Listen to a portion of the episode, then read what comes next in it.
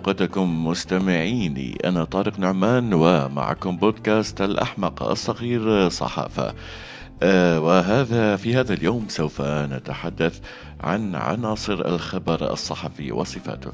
ولكن قبل التحدث عن هذه المعلومات البودكاست السابق كان حول تعريف الخبر وقلنا بأن هناك تعريف ليبرالي وهناك تعريف اشتراكي وهناك آه، تعريف عالمي وتحدثنا آه، باستفاضة عن هذه المعلومات أو التعاريف آه، يا ريت الجميع يلي مهتم يعمل share للبودكاست ويعمل subscribe آه، ويضعنا على المفضلة. سوف نتحدث في هذا البودكاست أو ضمن هذه القناة عن كل أنواع آه، علوم الصحافة وبدأناها بأبو الصحافة وهو الخبر واليوم سوف نتحدث عن عناصر الخبر الصحفي وصفاته.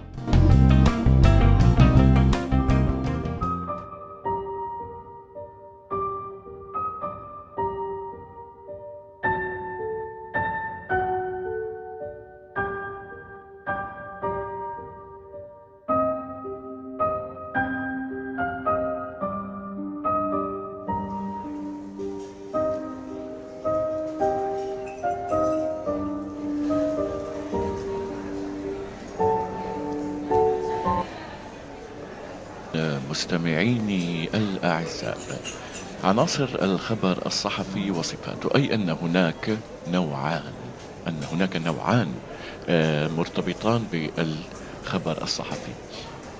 العناصر آه، وهي الأركان وتحدد هذه الأركان جودة وصلاحية هذا الخبر للنشر. أما فقدان أحد هذه العناصر آه، يعني أنه آه، سيفقد أهميته وسيفقد إمكانية نشره وسيصبح محل نظر ونقاش إذا فقد أحد هذه الأركان أو العناصر.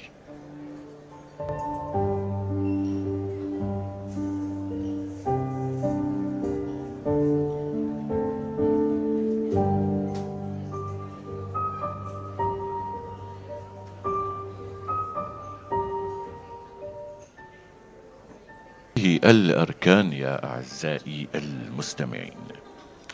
بداية سوف أتحدث عنها آه، آه، تعدادا ثم سندخل آه، بالتفاصيل. أول هذه الأركان هي الجدة أو الحالية. الجدة أو الحالية أي أن الخبر جديد. الخبر الآن صار. الخبر حدث في وقت قريب جدا يتطابق أو يقارب الحالية. الفائدة أو المصلحة الشخصية أو العامة. التوقيت الضخامة أو العدد أو الحجم. نحن الآن نعدد أركان الخبر. التشويق الصراع المنافسة. التوقع أو النتائج الغرابة والطرافة الشهرة الاهتمامات الإنسانية الأهمية والإشارة. إذا هذه الثلاثة ثلاثة عشر آه، عنصرا من عناصر الخبر. إذا فقد واحد من هذه العناصر آه، أصبح الخبر مثار نقاش قبل النشر.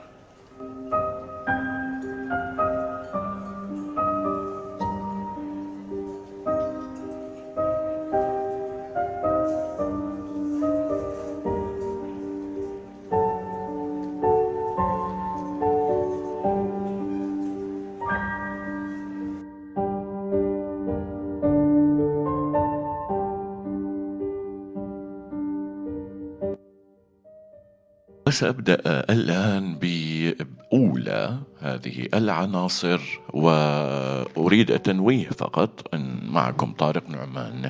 أريد التنويه بأن اللغة سوف تكون لغة شبه محكية ويعني سهلة حتى لا نكون كما الجالسين في محاضرة يعني. يقصد بالجدة هو أن يكون الخبر جديدا أي أن يكون معاصرا ومواكبا للحدث الذي تتحدث عنه.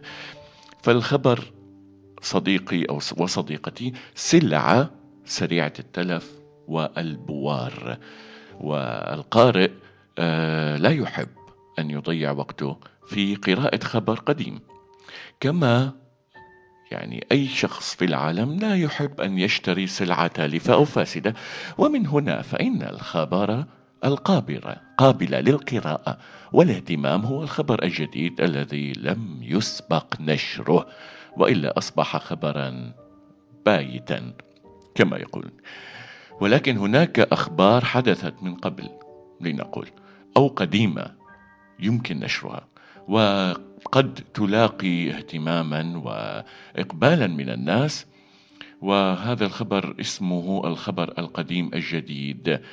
آه، من هذه الأخبار هو مثلا آه، جثة كوهين الجاسوس الذي آه، تم كشفه في سوريا في الستينات من القرن الماضي. أي خبر يتعلق بهذا الجاسوس سوف يكون خبرا قديما جديدا. وسوف نتحدث في قادم الأيام عن كيفية صياغة هذا الخبر. إذا آه، أي شيء يتعلق بالخبر القديم ولكن يجب أن يكون هذا الشرح جديدا. ثانيا الفائدة و أو المصلحة الشخصية و أو المصلحة العامة. كلما كان الخبر يهم القارئ أو يعود عليه بالمصلحة كان قابلا للنشر ويقال نفس الشيء عن المصلحة العامة أو مصلحة المجموع. ومن هذا القبيل خلينا نقول آه، أخبار نتائج الامتحانات أخبار نتائج المفاضلات الجامعية أخبار نتائج المؤتمرات أو مؤامرات مؤتمرات مجالس الشعب أو البرلمانات. فهذه تحمل فائدة إما شخصية أو عامة. يمكن أن تؤهل الخبر الذي بين يديك لأن ينشر. العنصر الثالث هو التوقيت. توقيت حدوث أو وقوع الحدث يضيف له أهمية مضاعفة. وقد يحدث العكس. أي أن توافق وقوع الحدث مع الظروف العامة يعطيه قوة ويضاعف من إمكانيات نشره ويجعله محط اهتمام أكبر عدد أكبر عدد من القراء. مثلا آه، خبر أن الأسواق مثلا في في آه، سين من الأقطار العربية سوف يتم تزويدها بكميات كبيرة من الخضار والفواكه من الخضار والفواكه وهذا وذلك. ليس له أهمية إلا إذا كان في الشتاء. ولكن إذا نشر في الصيف فهو فقد أهمية التوقيت. تمام؟ أه مثلا هناك خبر يقول بأن آه، وصول أسلحة إلى منطقة معينة ولكن بعد وقف إطلاق النار أو اتفاق ل آه، اتفاق سلام بين الطرفين المتحاربين سوف تختلف تماما أهميته فيما لو كان هناك آه، أو فيما لو أتت شحنة الأسلحة هذه قبل قرار وقف إطلاق النار. أما العنصر الرابع فهو الضخامة أو العدد أو الحجم وهي يوجنس بالإنجليزية.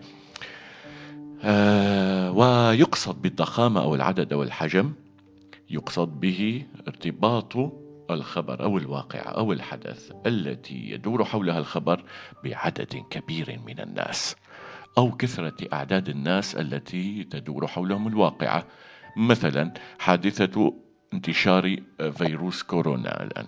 هذا الخبر مرتبط بثمانية مليارات إنسان. أي بكل سكان العالم. تمام؟ هذا أهم في النشر من خبر اكتشاف لقاح للإنفلونزا العصافير مثلا أو الطيور. تمام؟ لأن انفلونزا الطيور ليست هاجس مهم حاليا للبشر وليس ولا تشكل خطرا حاليا. أما فيروس كورونا فهو آه، يهم الجميع. التشويق أو السسبنس. الخبر المشوق يا صديقي وصديقتي مثله مثل القصة البوليسية التي تجعل القارئ يتابع فصولها ويلاحق تطور أحداثها بلهفة وشوق. ومن ذلك أخبار الحوادث والكوارث والأخبار الإنسانية. فخبر مثلا آه اغتيال آه رجل ثري موت لنقل آه رجل ثري في إحدى دول العالم بطريقة غير معروفة حتى الآن كيف مات. فيعني يتابع الناس هذا التطور. خبر آه، لنقل آه، اختطاف ابن أحد الفنانين أو أحد المشاهير. فهذا مثير جدا يدفع الناس لمتابعة تطورات هذا الخبر.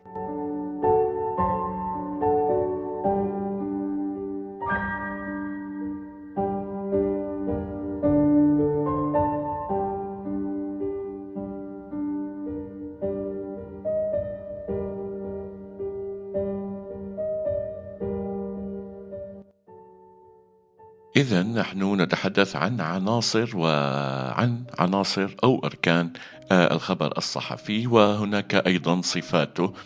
إذا لنتابع معا وصلنا إلى العنصر الخامس بعد آه، التشويق والضخامة والتوقيت والفائدة والجدة والآن نتحول إلى الكونفليكت أو الصراع.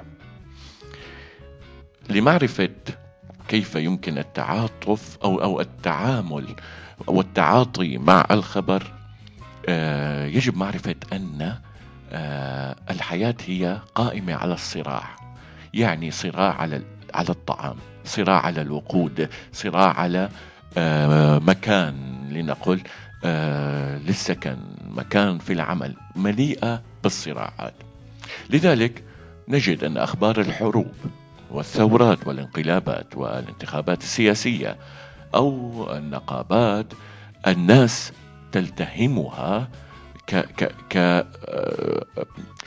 delicious fruit يعني ك كفاكهة شهية تلتهمها التهاما. أما العنصر السابع فهو المنافسة. فالتنافس أيضا هو أحدى صفات الحياة يعني والإنسان من ضمن عجينته النفسية هو ميوله أو ميله للتنافس. وبالتالي يتمثل التنافس في أخبار المباريات الرياضية وأخبار الامتحانات وهي أيضا تجذب القارئ وتلفت انتباهه. التوقع أو النتائج وهو الصفة الخامسة أو العنصر عفوا عنصر وليس صفة عنصر الخامس آه التوقع الثامن عفوا. التوقع أو النتائج هو العنصر الثامن للخبر. تقاس أهمية الخبر الصحفي بما يمكن أن يشير أو أن يثيره لدى القارئ آه، أو يشير إليه داخل القارئ من توقع لما سينتج عنه.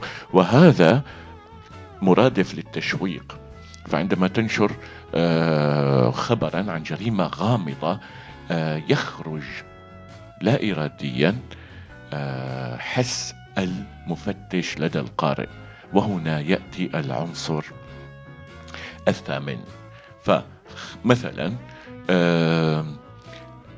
أن تنشر خبر عن جريمة آه، أو مقتل شخص لديه أربعة أولاد وأن الأولاد كانوا على خلاف دائم معه فسوف يبدأ آه، القارئ بتوقع وخاصة إذا كان هذا الشخص شهيرا مشهورا يعني وأبنائه أيضا آه، من الطبقة لنقل من الشخصيات العامة. أيضا هناك إذا أعلن رئيس دولة معينة عدم نيته الترشح لانتخابات قادمة فيبدأ هنا التوقعات والنتائج حول من سيحل محله ولماذا قام بهذه الخطوة وما الهدف وما الذي سيؤدي إليه على الناس وكيف سينعكس على الدولة. العنصر التاسع من العناصر الأساسية في الخبر الغرابة والطرف. يعني أن الخبر يجب أن يكون خارجا عن المألوف وأن يقدم الخبر عكس ما اعتاد عليه الناس. فخبر من مثل أن يكون رئيس دولة معينة متورطا في تجارة للحشيش أو أن لنقل مدير نقطة جمركية في دولة معينة متورط في مافيا التهريب. هذه الأحداث تجذب اهتمام القارئ إلى الخبر وتجعله قابلا للنشر ومفضلا على غيره. أما عاشرا فهي الشهرة. كما قلنا سابقا الأسماء الكبيرة والهامة تصنع الأخبار. فكلما كان الخبر يدور عن شخصية مشهورة زادت أهميته وأصبح قابلا للنشر عن غيره وأيضا احتل مركزا بارزا على صفحات الجريدة فمثلا خبر عن ممثل كبير ومشهور ومحبوب ولامع النجم في هذا الوقت تختلف تماما وأنه قام بتحرش أو قام بسرقة أو تورط فيما أدى به إلى السجن أو أدى به آه، في غياهب السجن. تختلف هذا هذا سوف يكون سوف يأخذ آه، لنقل البونت العريض في الجريدة. وهذا هو الشهرة. الشهرة لا تقتصر فقط على الأشخاص وإنما تنسحب أيضا على الأماكن والآثار والقضايا والكتب. فمثلا آه، خبر سرقة متحف للآثار في دولة من الدول آه، سوف يطغى تماما حسب أهمية ما فيه من آثار على باقي الأخبار الاعتيادية. طبعا بالتراتب إذا كان هناك خبر عن ثورة سوف تطغى على هذه الأخبار. آه العنصر الحادي عشر هو human interest وما يعنيه أنه الاهتمامات الإنسانية. نفسيا الإنسان عاطفي بطبعه يعني ويميل إلى الأشياء التي تخاطب المناطق الإنسانية فيه سواء متعلقة بالكراهية أو الشفقة أو العطف أو التعاطف أو الحب. ولذلك نجد أن الخبر الذي تدور حول العنصر أو الأخبار التي تدور حول العنصر الإنساني هي أكثر الأخبار تعاطفا فاغتصابات التي تحدث في الحروب أو في المعتقلات آه التي آه تكون تحت يد الدكتاتوريين أو أو ما إلى ذلك تجد أن هذا الخبر له أولوية دائما. فمثلا ويمكن استغلال هذه الأخبار في أن تكون الأولى. آه العنصر الثاني عشر وهو الأهمية ويتوافر عنصر الأهمية للخبر نتيجة لتوفر أكثر من عنصر من عناصره. يعني إذا كانت العناصر الاثنى عشر التي ذكرناها سابقا أو الأحد عشر التي ذكرناها متواجدة تماما كاملة فهذا الخبر سوف يكون مهما جدا أيضا. إذا آه الأهمية هي العنصر الثالث عشر. أم آه الثاني عشر. أما العنصر الثالث عشر فهو الإثارة excitement ويقصد بها أن يكون الخبر جذابا. يشد انتباه القراء لما يحمله من إثارة تتعلق بالغرائز والفضائح والجرائم ولهذا تركز الصحافة والصحف على هذا النوع من الأخبار لزيادة توزيعها كما تفعل الصحف الشعبية التي تكثر من أخبار الحوادث.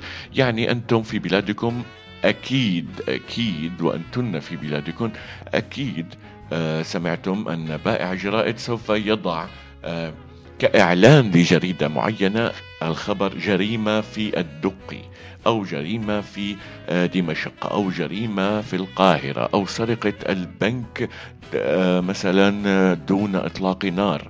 هذه هي الإثارة. إذا اليوم تحدثنا عن الإثارة أو العناصر آه التي يجب توافرها أو توفرها في الخبر آه ليكون قابلا للنشر وغير قابل للنقاش. أتمنى أن تكونوا قد استمتعتم. في البودكاست القادم سوف نتحدث عن صفات الخبر. ما هي؟